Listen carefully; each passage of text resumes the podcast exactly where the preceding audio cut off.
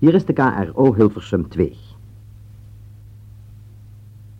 Nu het hoorspel van deze zaterdagavond. De late brief werd geschreven door Annie Mattig en Wim Spekking naar hun gelijknamige novelle. Spelleiding Leon Povel.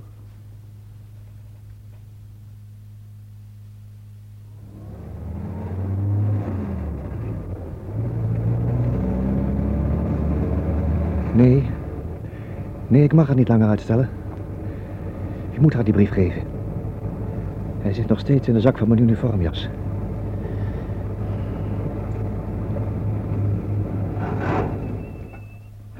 Hoe langer ik ermee wacht, hoe moeilijker het wordt.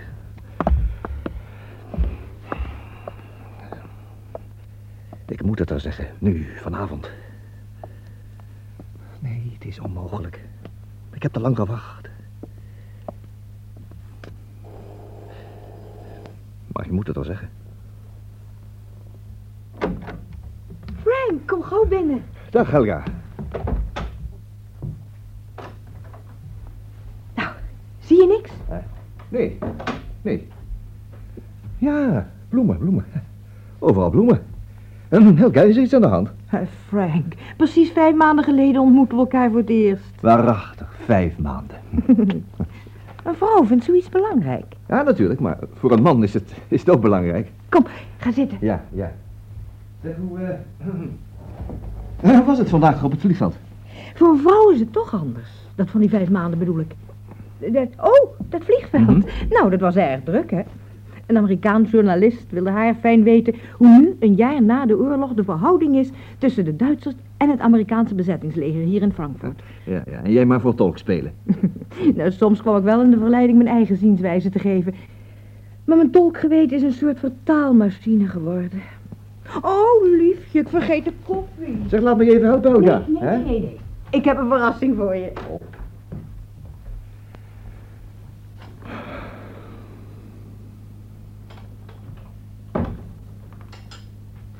Wat doe je? Oh, nee, ik... eh, hm.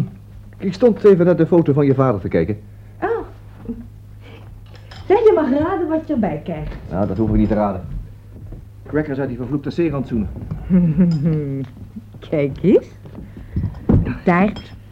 Zelf gebakken. Hoe kom je aan al die eh, ingrediënten? Wie op een Amerikaans vliegveld werkt, heeft relaties in het restaurant. Ja, zo. Vijf maanden. Te kort. Om elkaar te kennen. Hm? Die, eh die slagroomvijf is mooi gelukt. Jammer om hem door te snijden. Je hebt iets van mijn vader. Ja, natuurlijk niet uiterlijk. Vader was breed en zwaar. Die foto op de kast. De Kun koffie, de koffie is prima. In de oorlog leken de mensen ook veel op elkaar. Dezelfde angst, dezelfde verwachting en dezelfde ontgoocheling.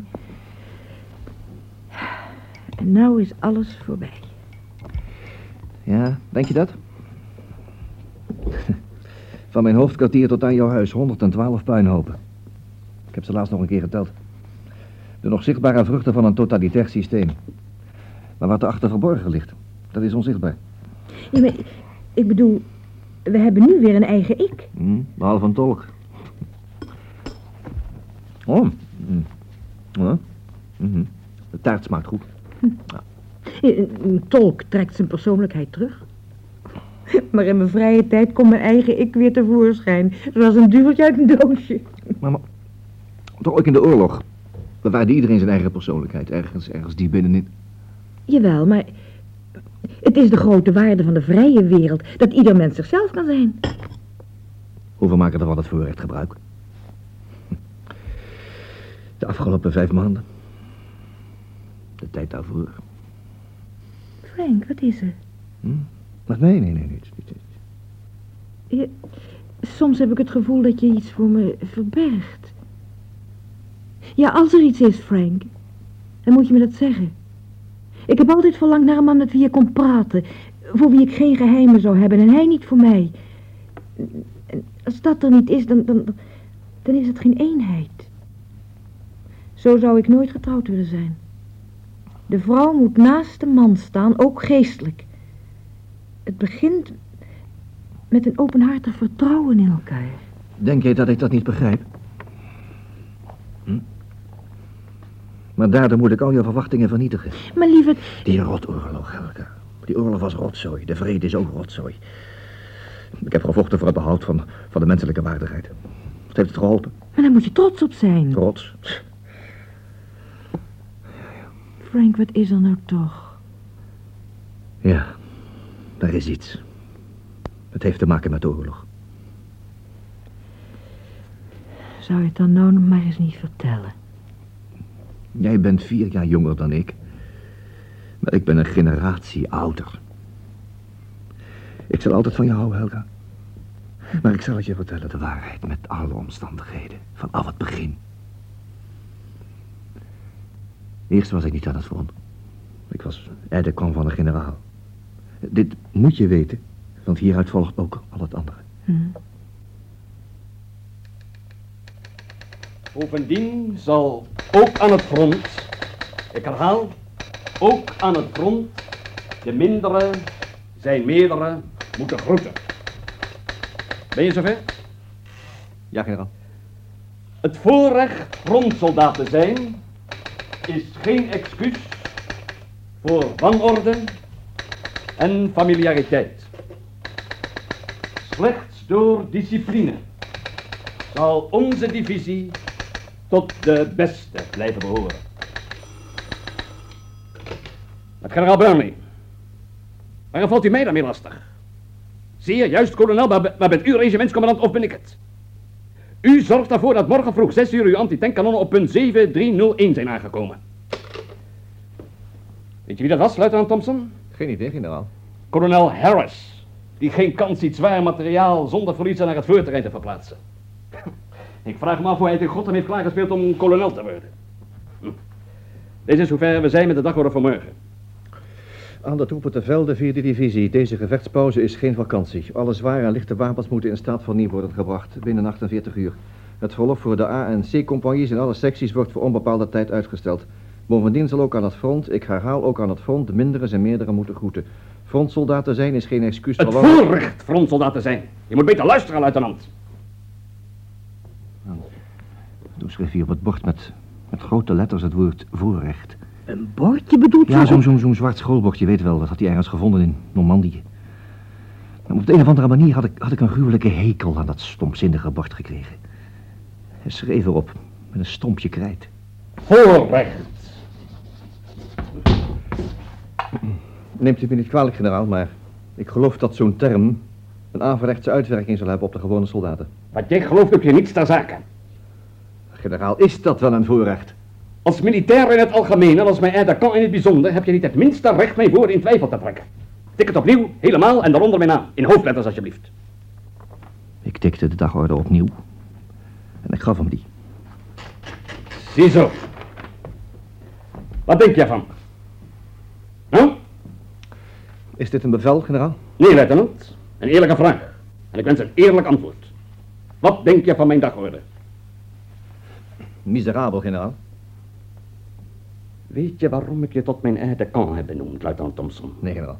Omdat je bekend stond als de beste scherpschutter van de divisie. Het geeft me een veilig gevoel te weten dat er een koelbloedig scherpschutter in de buurt is om mij te beschermen. Bovendien, omdat je een intellectueel bent. Maar ik heb je niet gekozen om mijn woorden miserabel te noemen. Als bevelvoerend commandant over deze divisie heb ik ook mijn moeilijkheden. Met deze moeilijkheden kan ik niet uitspreken tegenover mijn stafofficieren. Ze zouden me gaan zien als een, als een mens. Een mens met zwakheden. Begrijp je? Met jou kan ik wel praten. Ik geloof niet dat ik de geschikte persoon ben om met u te praten, generaal. Misschien dat uw adjudant... Major Smith, dat is een kalf. Denk niet, luitenant Thompson, dat ik een aide de camp zie als een butler of als een huisknecht. Waarom vind je mijn dagorder miserabel? De convoïs A en C zijn hard aan verlof toe, generaal. Maar nu er een gevechtspauze is ingetreden, geeft hij opdracht om al het materiaal te poetsen. Met die modder zal het trouwens niet eens veel helpen. Divisie is een uurwerk, luitenant. Alle radertjes reageren op elkaar. Minste afwijking van één klein onderdeel doet de hele machinerie stilstaan, vertragen of vooruitlopen. Zoiets kan fataal zijn. Ik zou die convoïs met verlof sturen, al was het maar voor vier dagen. Ze moeten met gewone mensen in aanraking komen. Ze moeten kunnen praten, dansen, ze, ze, kunnen bezatten. En wat hebben ze dan gevonden? Een knokpartij, een kater, een volmaakte liefde? Je bent een ezel, luitenant. Op die manier stellen we de democratie niet veilig. Bij u wordt de leugen nog waarheid. Prachtig gezegd. Hierom juist waardeer ik deze gesprekken met jou. Het ontspant me. Je bent origineel. Mijn adjudant zou zeggen, juist generaal, u hebt gelijk generaal, uitstekend generaal. Maar jij zegt, de leugen wordt nog waarheid. Ik zou je tot kapitein moeten bevorderen. Helaas, een de Camp heeft geen recht op die rang. Zal ik dat van dat uitgestelde verlof maar schrappen? Luitenant, ik kan veel hebben, maar soms word je te vrijpostig.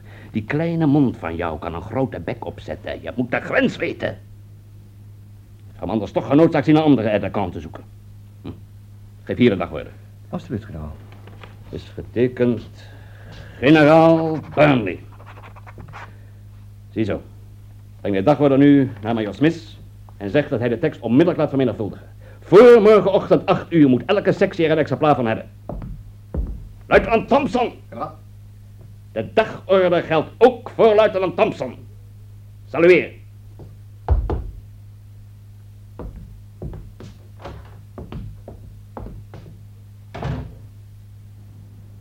Maar ik begrijp niet wat dit alles met ons te maken heeft. Het is belangrijk. Generaal, die oude Burnley. In zekere zin dulde hij me. Hij had me zelfs nodig om zijn theorieën aan te roeren. Oh, hij vond het prachtig zichzelf te beluisteren. Ik was, zoals dat heet, toegevoegd aan de staf van de generaal. Dat was, dus, was het begin van, van... Het is belangrijk, Elka. Ik wist al lang dat je iets voor me verzweeg. Praat maar zoals je zelf wilt. Het zal je helpen. Helga, ik wil je duidelijk maken hoe ik geworden ben. En hoe ik komen kon tot iets wat... wat als een brandmerk in mijn wezen staat gedrukt. Hoe kunnen we ooit echt iets voor elkaar betekenen... als we elkaar innerlijk niet kennen? Wat heb ik eraan als je je armen om me heen slaat... terwijl jouw geest ver van de mijne verwijderd is? Frank, ik heb veel mannen gekend in mijn leven. En ze voldeden me niet.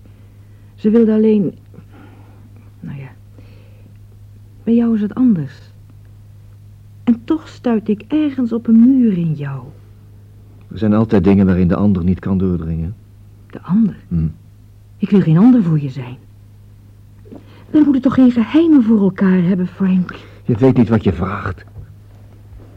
Is je hart groot genoeg om elke waarheid te dragen? Alle waarheid? Liever de waarheid die pijn doet dan de leugen in zelfbedrog. Frank, ik heb er recht op. Je moest eens weten hoezeer je er recht op hebt mijn geheim te weten. Ik kan heus wel wat verdragen, hoor. Ik heb een oorlog meegemaakt. Ik had het je vijf maanden geleden moeten zeggen. Je zult me haten. Hm, ik jou haten. Zeg, heeft het iets te maken met vrouwen? Oh, het idee. Nou, ik, zei je dat ik veel mannen heb gekend, dus. Helga, vanaf het eerste moment dat ik jou zag, was ik aan jou vastgeklonken. Dat moet je geloven. Maar je zult me toch verachten. Frank, het is geen misdaad mens te zijn. Nee. Ik zal het je uitleggen. Ja. Het is een heel proces, weet je. Een hele lange weg. Ik bleef niet altijd bij de generaal. Nee, het begon, het begon met dat zwarte bord waarop ik het woord voorrecht schreef. Dat vervloekte bord sleepte hij overal mee naartoe. Niemand mocht op dat bord schrijven, alleen hij. Hij schreef de belangrijkste mededelingen op voor zichzelf en voor zijn officieren. Een week later schreef hij op dat bord. Wat er met u gebeurt is van minder belang dan wat er door u gebeurt. Ziezo. Luitenant, Jawel, generaal. zorg dat de kakkel harder gaat branden. Dadelijk komen de stafofficieren binnen. Als het hier niet lekker warm is, heb ik geen aandacht te gehoor. Ik zal ervoor zorgen, generaal. De conferentie die ik heb samengeroepen zal dit tot onderwerp hebben. Wat er met u gebeurt is van minder belang dan wat er door u gebeurt. Als de meerdere hiervan is doordrongen, zal het onontkoombaar doorcijpelen naar de mindere. Luitenant, zeg tegen major Smith dat hij de heren binnenlaat. Ik kom over vijf minuten.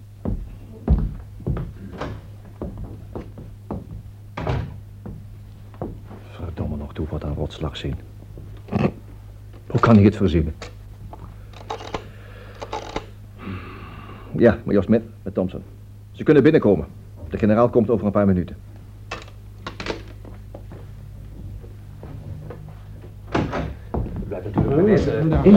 Zo, jullie lekker. Hoe staat het leven hier? Eh, wat er met u gebeurt is van minder belang dan wat er door u gebeurt. Huh? Ja, lu luitenant, wat doet u nou? Ja, man, blijf nog van die tekst Ik word toch rechtsstuchtelijk afgedaan, dat begrijp je nog gek? Dat is toch onvoorstelbaar? In het spel van het leven is het hart de hoogste troef. Hoe kunt u dat zo onverschillig zijn? Dit geeft toch disciplinaire maatregelen. Heren? Wie verkrachtte dit bord? Ik, generaal. Heren, wilt u één minuut de kamer verlaten? Generaal.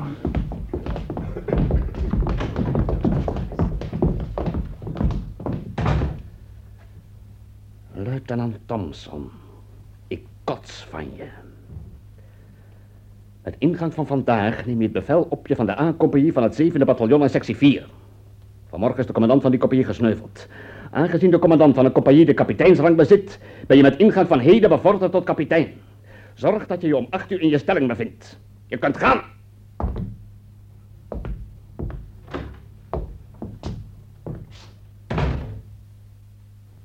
Ja, dat was wat je noemt weggepromoveerd.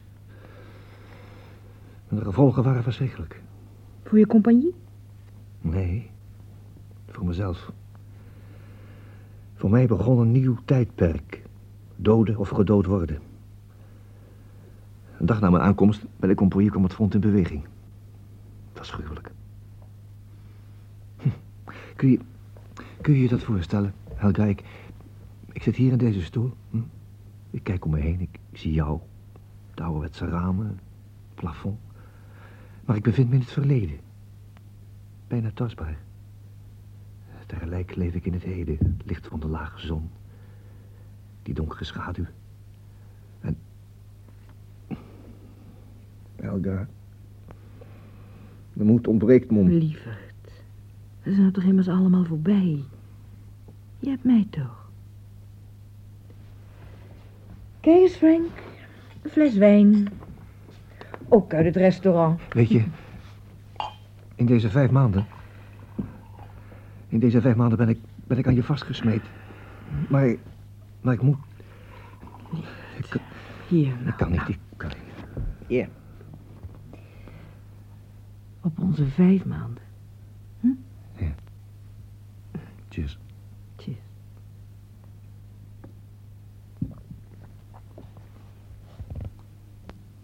Frank. Ja. Ik begrijp wat die tijd voor jou moet zijn geweest. Vader heeft me verteld wat er in hem omging toen hij de eerste soldaat doodde. Vader was een hoogstaand mens. Hij ging helemaal op in zijn colleges. De studenten droegen hem op handen. Ja, de oorlog was een jaar in de gang toen hij werd opgeroepen. Bleef hij dezelfde in het leger? In de kern, ja. Maar daaromheen groeide een, ja, een soort hardheid. En als hij met verlof thuis kwam, dan viel die hardheid weer weg. Tijdens de oorlog had iedereen een dubbele natuur. Je wist op den duur zelf niet eens meer wie je nou, nou werkelijk was. Vader betekende alles voor me. Misschien kwam dat omdat moeder vroeg was gestorven. Ik wist dat vader onder de oorlog moest lijden. Hij kon gewoon geen vlieg kwaad doen. Hij heeft ook altijd gevochten voor het behoud van de menselijke waardigheid. Hij haatte het doden. Precies zoals jij. Iedereen die nadenkt zal toch immers de doden haten. Ja, maar lieverd, hoeveel mensen denken hierover na? Twee jaar geleden, toen ik vader voor het laatst zag, zei hij tegen me... Waar gaat dat naartoe? Vernietigingen worden overwinningen genoemd. Je vader was toch volop militair? Hij deed zijn plicht. Net als jij. En dat was nu juist het probleem voor hem. Lieverd, Je moet afstand nemen van het verleden. Ergens op, op een bepaald ogenblik moet je er doorheen. Ja, je hebt gelijk. Ik moet er doorheen. Ik moet doorgaan met mijn verhaal. Weet je, in de mes werd ik altijd gemeden dat ik de aide de was van de generaal. Maar nu werd ik op slag populair. Maar het was als een lopend vuurtje rondgegaan. Thompson had de generaal getrotseerd. Vijand was, was onpersoonlijk. Had geen eigen gezicht, maar ingaan tegen de generaal. Nou, daar had je lef voor nodig. Hm, Ik begrijp het. En intussen begonnen de successen te komen. Onze legers rukten op, maakten snelle vordering. Maar opeens lag het front weer stil. Ja, het was in de Belgische Ardennen. Onze post was in een kelder.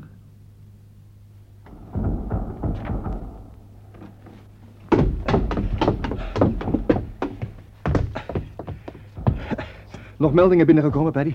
Tweede compagnie 12 gesneuvelde. Kapitein Bell liet weten dat hij maar niet moest komen vanmiddag. Veel te gevaarlijk. Zijn linkerflank ligt op de meest onverwachte tijden onder vuur. Hij heeft gelijk. Je moet maar in de bunker blijven, kapitein Thompson. Verdomde granaten.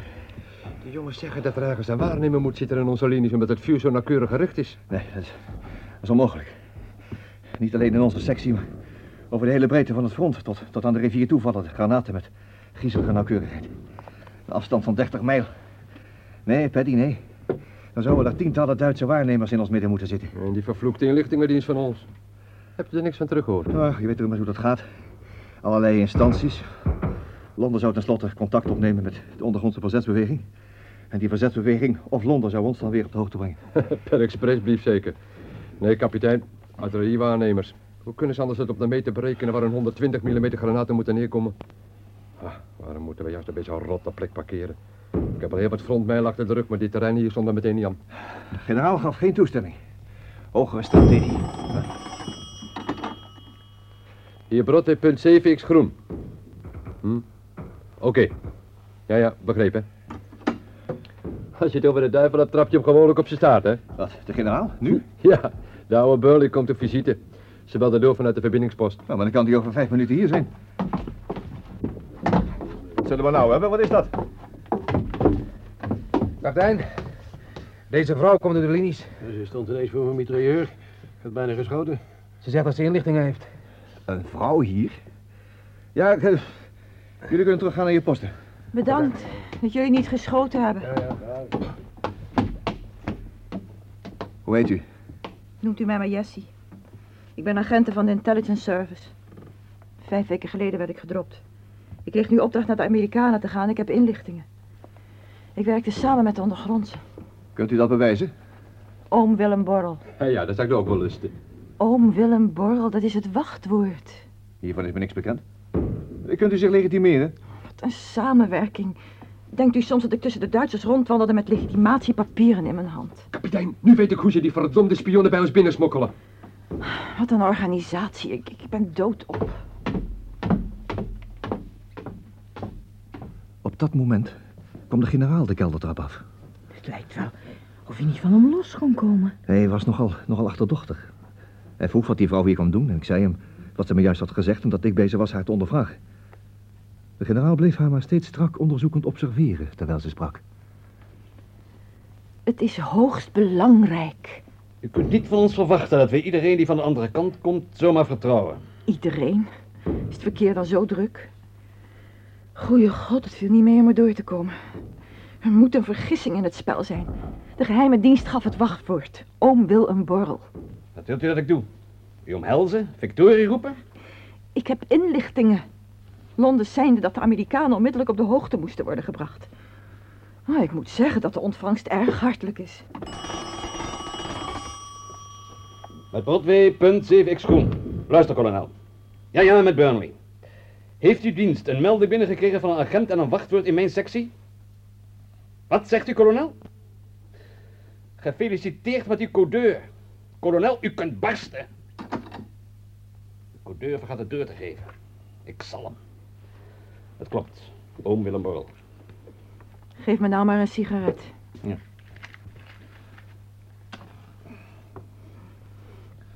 Hoe bent u door de, de linies gekomen? Ik was 24 uur onderweg. En de derde die het probeerde. De anderen werden gegrepen, gefusilleerd. Belgen. Welke belangrijke inlichtingen hebt u? Er staan aan de verdedigingslinies van de Duitsers ongeveer 700 kanonnen.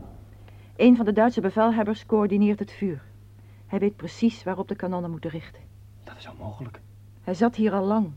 Hij was op dit front voorbereid. Hij heeft dit terrein maandenlang bestudeerd.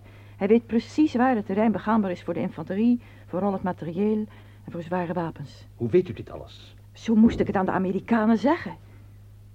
Hij rekent nauwkeurig uit wanneer de artillerie moet schieten. Volgens een schema. Telkens anders. De zware kanonnen worden ook telkens verplaatst. Elke morgen is de artillerieofficier in de schuur tussen 7 en 8. Waar? Opzij van het dorp, waar de landweg zich splitst. Hebt u een kaart? Ja, hier. Alsjeblieft. Kijk, hier is de tweesprong. 250 meter achter de splitsing. Er loopt een smal pad heen. Elke morgen tussen 7 en 8 zit hij daar in de schuur midden in de bossen. Wat doet hij daar? Mediteren, zo noemden zijn soldaten het. Hij rekent, observeert, combineert, met behulp van kaarten en tijdstabellen en coördinaten. Die schuur is blijkbaar een geïmproviseerde commandopost. Hij zit er meestal alleen. Hij wil niet gestoord worden. Hij stelt telkens een 24 plan op voor de artillerie. Ik begreep niet dat u dat zo precies kunt weten. Zo hebben ze het mij gezegd. Ze zeiden dat u er tussen 7 en 8 alle kanonnen op moest richten. Ah, kan ik hier ergens slapen? Voorlopig weten we genoeg. De generaal liet er wegbrengen. De volgende dag zou ze op het hoofdkwartier van de opperbevelhebber verder worden ondervraagd. Maar vertrouwden jullie er nog altijd niet? In de oorlog moesten we voortdurend met spionnen rekening houden.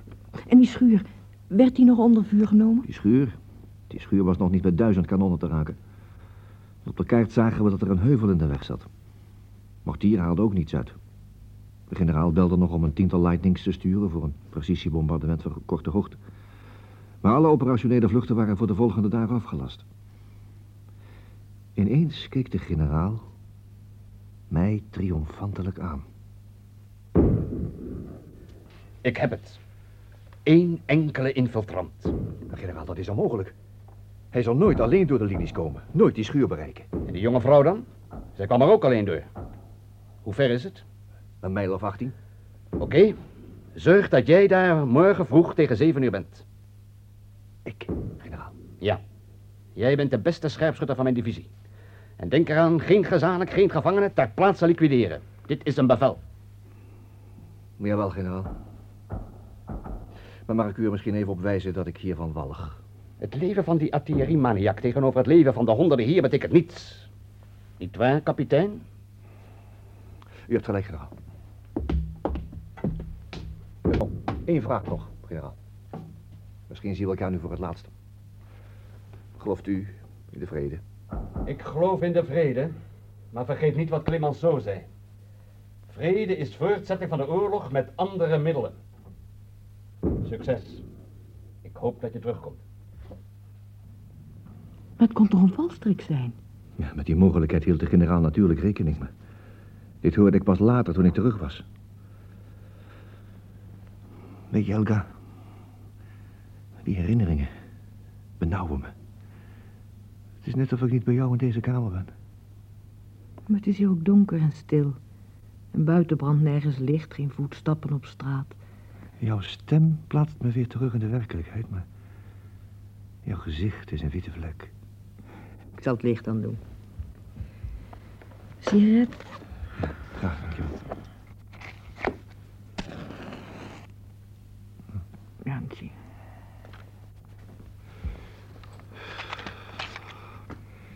Weet je, voor ik vertrok, hè, ging ik eerst nog naar de Jessie. Ik wilde precies weten welke route ze genomen had. En aan de hand van kaarten, schetsen, stippelde ik een plan uit. Later hoorde ik dat de generaal opdracht aan onze artillerie had gegeven... om het de vijandelijke sector lastig te maken... behalve de route die ik van plan was te gaan. Hm. Maar zonder de tips van die agenten van de intelligence service... was ik er nooit doorheen gekomen. Nee. Het is een pracht van een vrouw, een dappere vrouw. Ik vraag me af of zij iets te maken heeft met jouw geheim. Ach, wel nee. Jij en die vrouw.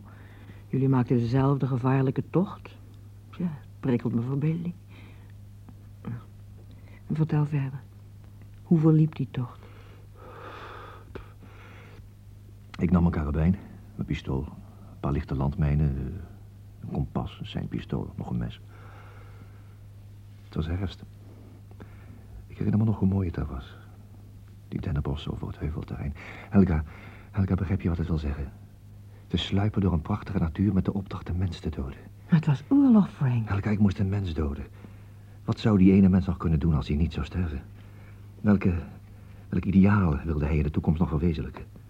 Maar die toekomst, Helga, die zou voor hem niet meer zijn. Door mij. Maar het was een bevel. En bovendien was de kans dat jij zou worden gedood veel groter. Dat, dat was nou het grote verschil.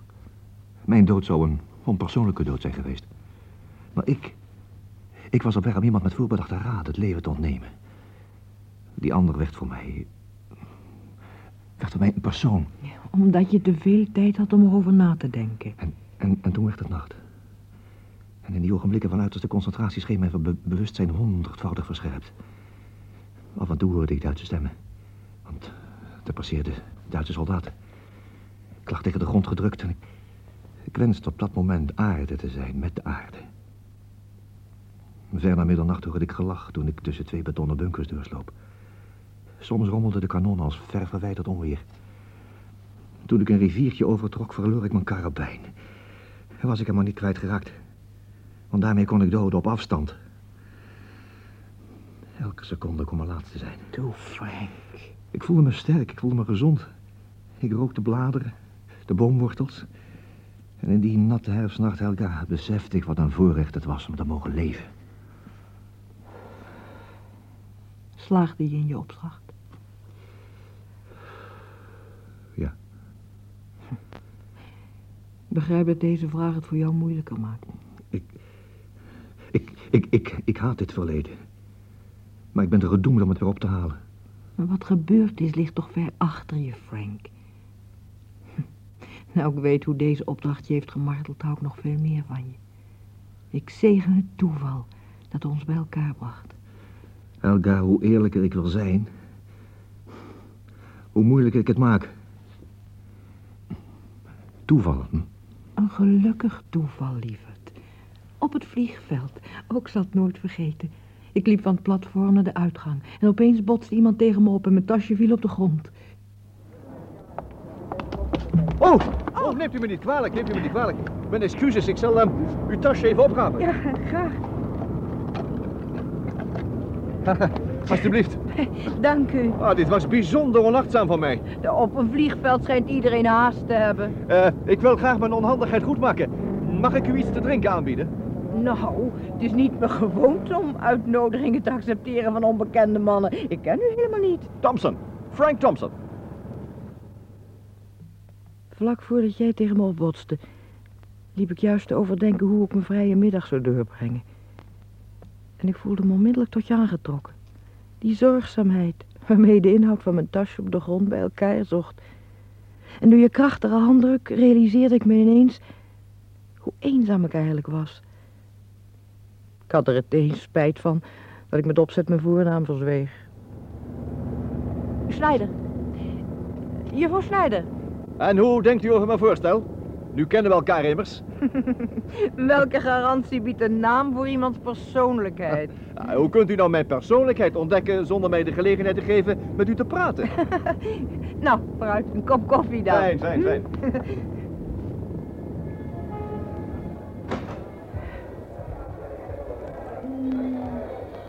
Zo, wacht eens in die, um, Ja. in die hoek hier, hè? Dat is wel, dat is, dat is wel gezellig. Ja, Zo, Goed. ga je zitten. Zo, zo. het, eh, het is hier zelfbediening. Hè? Oh, sorry. Natuurlijk, u bent hier beter bekend dan ik. Moment, moment. Twee koffie. Twee Ja. koffie. Ik vind hem sympathiek. Gevaarlijk sympathiek. Zo, kijk eens even.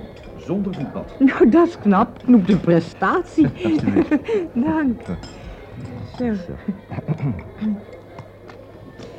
Maar waarom ben ik eigenlijk hier natuurlijk beter bekend dan u? Eh, Oh, u, eh, u wist dat van die, van, die, van die zelfbediening, dus ik dacht... eh, u, eh, u spreekt uitstekend Engels.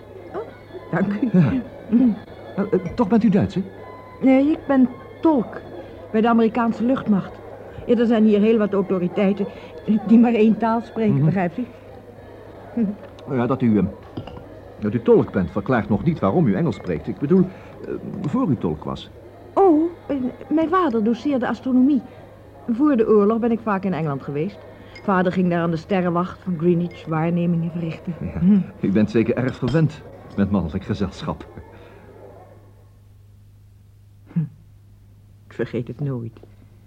Dat zoeken naar een onderwerp om een gesprek mogelijk te maken. En toen ineens zag ik die verticale rimpels in je voorhoofd. Alsof ik je aan iets, iets pijnlijks herinnerde. Ja, precies zoals nu. En, en toen plotseling begon je over iets anders. En dat maakt me helemaal onzeker. Ik was toch echt wel aan militairen, aan mannen gewend. Maar ik probeerde me natuurlijk onmiddellijk aan te passen. Een gezelschap kan nooit de plaats van de eenling innemen. Uw antwoord geeft mij, eh, geeft mij zeker hoop. Misschien kan ik die eenling zijn. Hm? Ja, ik, ik, ik zou u graag nog eens willen ontmoeten. Op een geschikte plaats. U loopt wel hard van stapel, hè? Sorry, eh, misschien bent u getrouwd? En u hebt natuurlijk een hele aardige vrouw in Amerika achter moeten laten. Nee, nee, nee, nee, nee. Oh nee? Nou, dat zeggen alle Amerikanen, hoor. ja, ja, als ik u... Als ik u zo aankijk... kan ik die leugentjes om best veel goed begrijpen. Hm. Je was zo verlegen. Helemaal van de kook.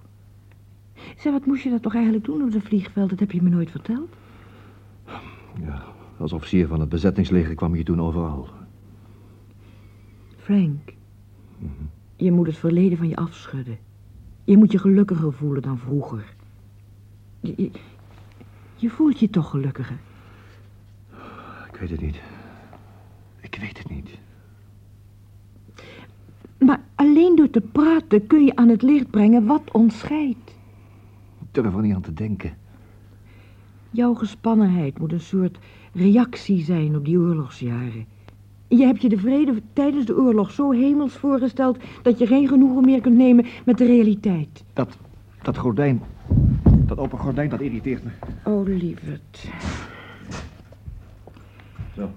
Jij neemt alles te zwaar. De oorlog heeft aan je geknaagd, natuurlijk. En je- stikt van de zelfverwijten. Het is, Helga, het is, het is moeilijker en ingewikkelder dan je denkt. Echt. Verdomme, ik hou van je, maar tegelijkertijd heb ik een hekel aan dit leven. Aan dit leven? Aan ons leven. Maar Ik zou je kunnen zeggen, trouw met me. Geen gezanik, geen diepzinnige gesprekken, denderende bruiloft, kinderen. En ze leven lang en gelukkig. waarom ben je nou zo cynisch? Het beroerde is dat dat niet zo kan. Het gaat om de consequenties die jij en ik, die, die wij beiden niet aan kunnen. Misschien heb je gelijk. Misschien neem ik alles te zwaar op. Oh, wat zou het gemakkelijk zijn te leven zonder gedachten, zonder probleem. Zonder herinnering. Maar Helga, als ik, als ik zo zou leven... Als ik zo zou leven, dan was ik het meest verachtelijke wezen dat er bestaat. Lieverd, jij zegt dat je van me houdt. En dat je me niet kunt missen. Ik ben bereid je verleden te aanvaarden. Dat alles heeft jou gemaakt tot een man waarvan ik zoveel hou. Daarom juist. Jij veracht jezelf omdat je op bevel een mens moest doden. Je denkt dat ik jou daarom ook zal moeten verachten, maar ik, ik veracht je niet. Er is meer. Er zijn in een mensenleven uren, minuten, die zo scherp in onze herinneringen staan afgedrukt dat we ze nooit meer kunnen uitwissen. Frank, geef me de kans om je te helpen. Je moet je aan mij durven toevertrouwen zoals ik mij aan jou toevertrouw. Sigaret, waar is het pakje? Schat, het waren toch allemaal abnormale omstandigheden toen. Ja. Ja, ja. Maar later, in normale omstandigheden, maakte ik alles veel erger. Het is ook zo verdomde moeilijk allemaal. Ik kwam achter de Duitse linies. Ze wilden me er later voor decoreren, stel je voor. En ik werd bij de generaal ontboden. Hij zat in een caravan.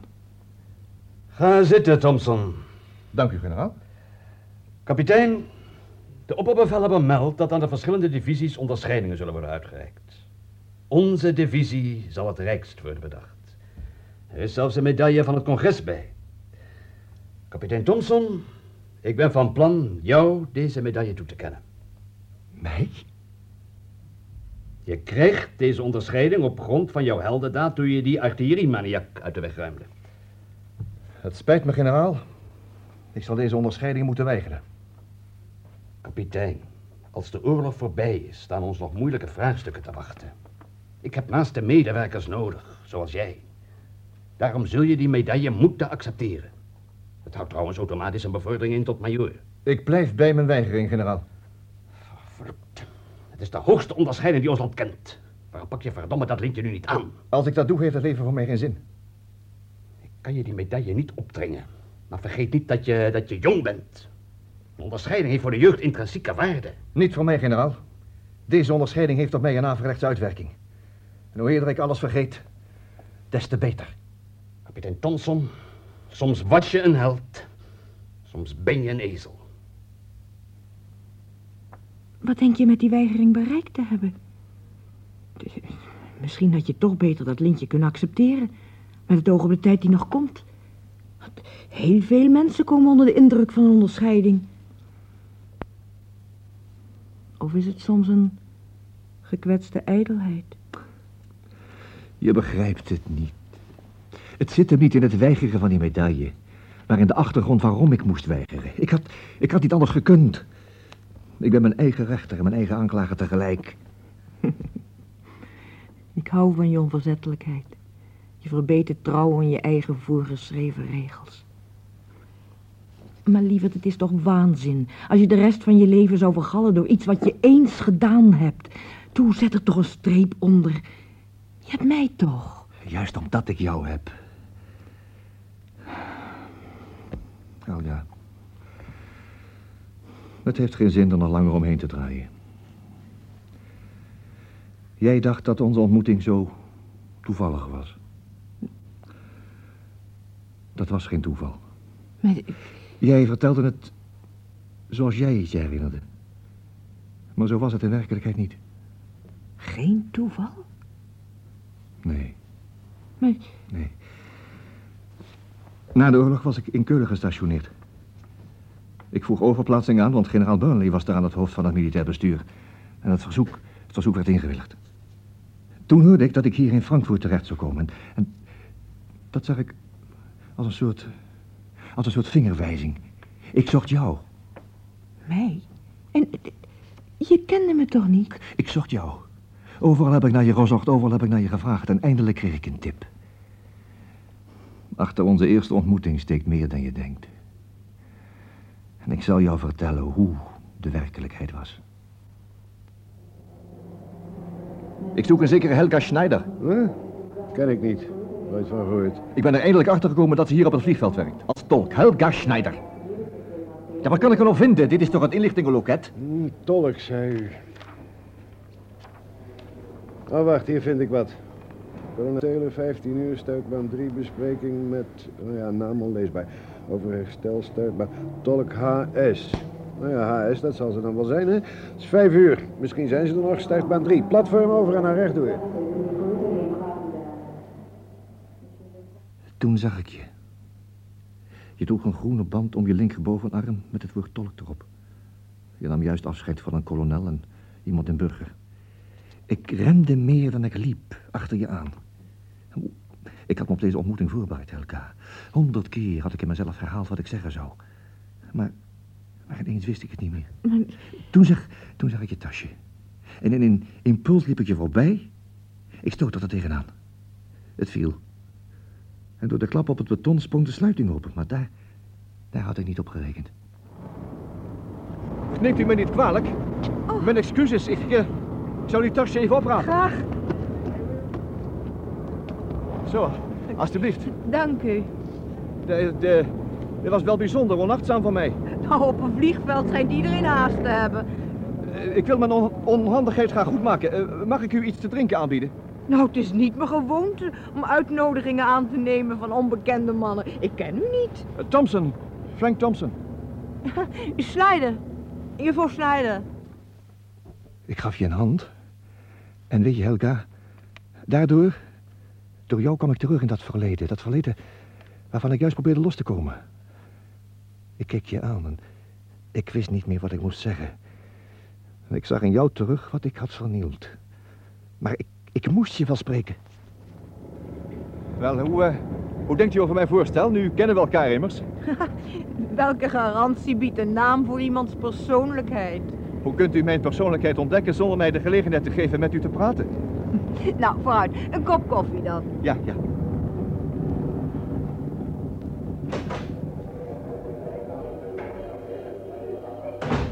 Ja, in, eh, hier in deze hoek maar, hè?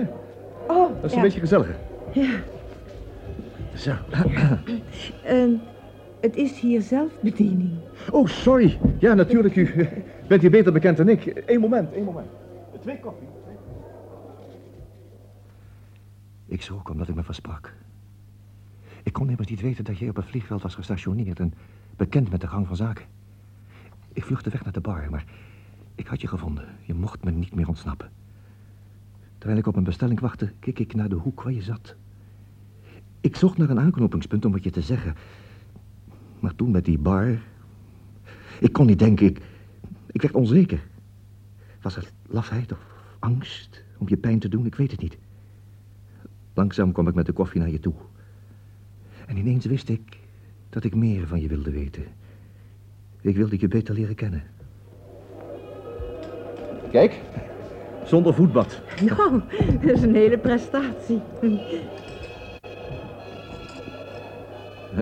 Waarom ben ik hier natuurlijk beter bekend dan u? Eh, nou, u wist dat van, eh, van die zelfbediening, bedoel ik. Dus, dus ik dacht, eh, u spreekt uitstekend Engels. Oh, dank u. Toch, toch bent u Duits, hè? Mm, ik ben tolk bij de Amerikaanse luchtmacht. Oh, er zijn heel wat autoriteiten die maar één taal spreken. Ja, dat u tolk bent verklaart nog niet waarom u Engels spreekt. Ik bedoel, ik bedoel voordat u tolk was. Oh, mijn vader doseerde astronomie. Voor de oorlog ben ik vaak in Engeland geweest. Vader ging daar in de sterrenwacht van Greenwich waarnemingen verrichten. U, bent zeker eh, erg verwend met mannelijk gezelschap. hè? Een gezelschap kan nooit de plaats van de eenling innemen. De toon waarop je dit zei raakte me. En aan de manier van spreken herkende ik... herkende ik die ander.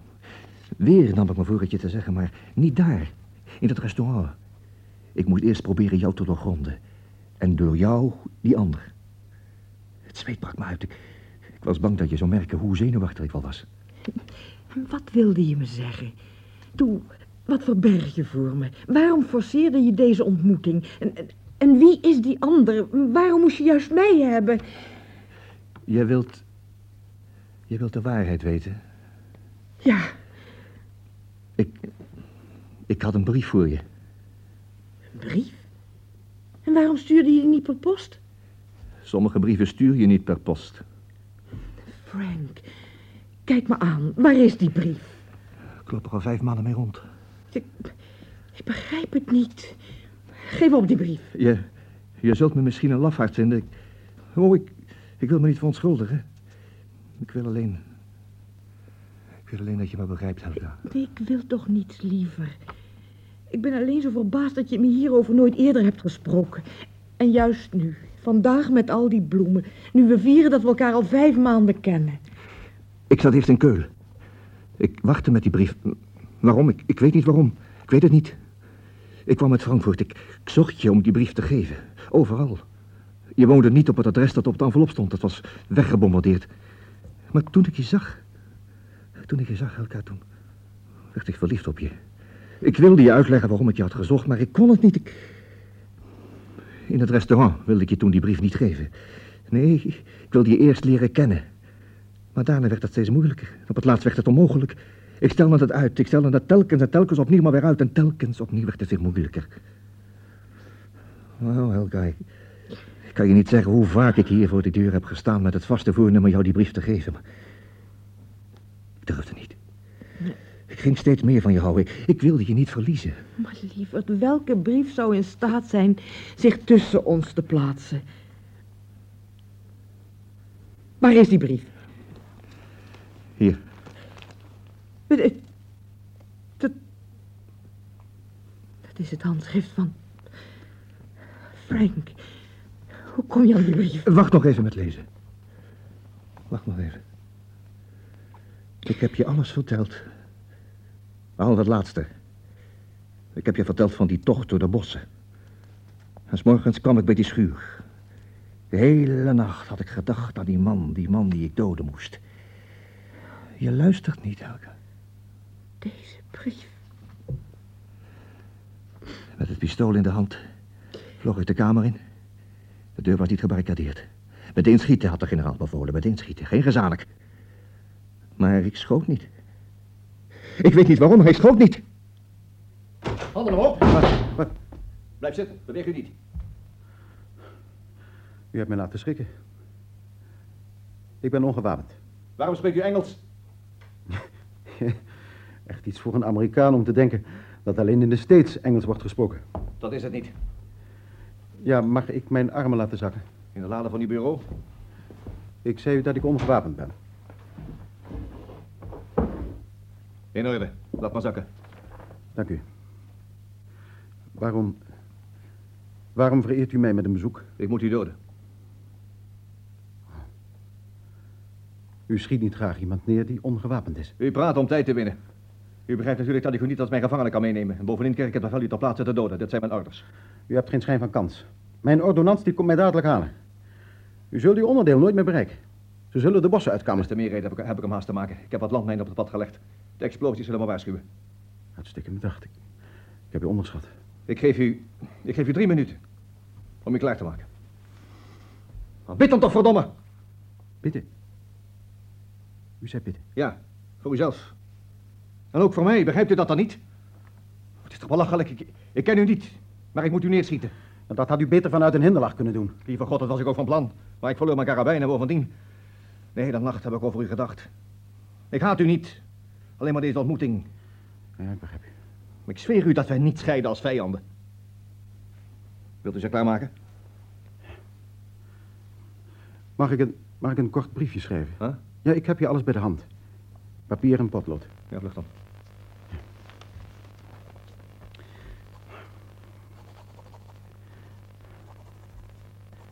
Mag ik u om nog een gunst verzoeken? En die is? Ja, dit is een afscheidsbriefje. Aan mijn dochter. Ze woont in Frankfurt. Wilt u deze brief bezorgen? Waarom? U legt deze brief hier neer en... Nee, nee, gelooft u mij. Wanneer deze brief langs de normale weg wordt verzonden, dan... dan zal ze haar bestemming nooit bereiken. Duitsland is verloren, kapitein. In mijn land heerst volslagen chaos. En toch vocht u door. Toch ontwierp u elke ochtend een nieuw vuurschema. Waarom? Waarom deed u dat? Hier is de brief. Ja. Ik zal ervoor zorgen. Ik moet nog aan. En bid nu, als u tenminste gelooft in God. Ja, natuurlijk. Onze vader.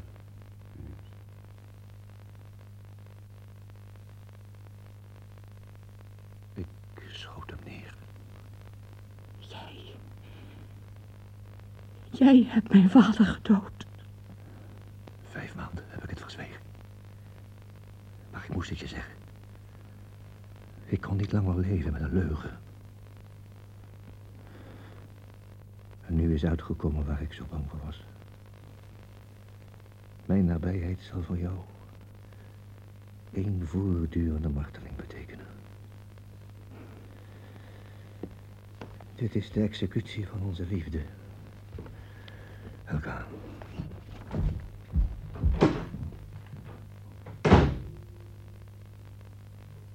Frank. Frank dode vader. Frank dode va vader.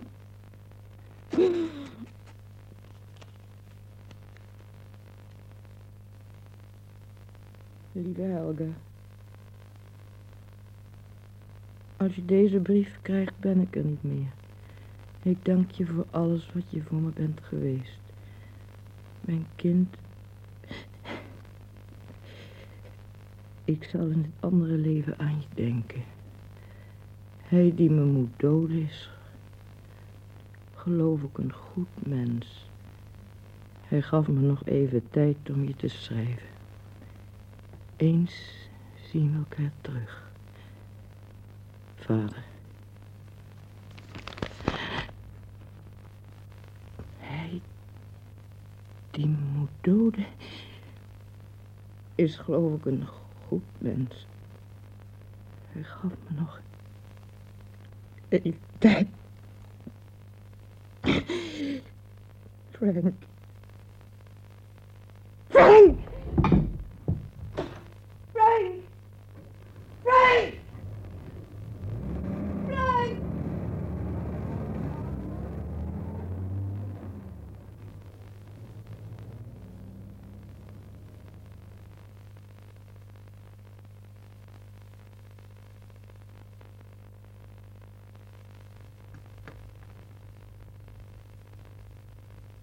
De late brief was een luisterspel van Annie Matting en Wim Spekking naar hun gelijknamige novelle. De personen waren Frank Thompson, Jan Burkus, Helga Schneider, Peron Hozang, generaal Burnley, Elie Blom, Paddy Clark, Harry Emmelot, Jessie, Jeanne Verstraeten, een Duits officier, Bernard Droog, en stemmen Han Keunig en Hans Veerman. Regie Leon Povel.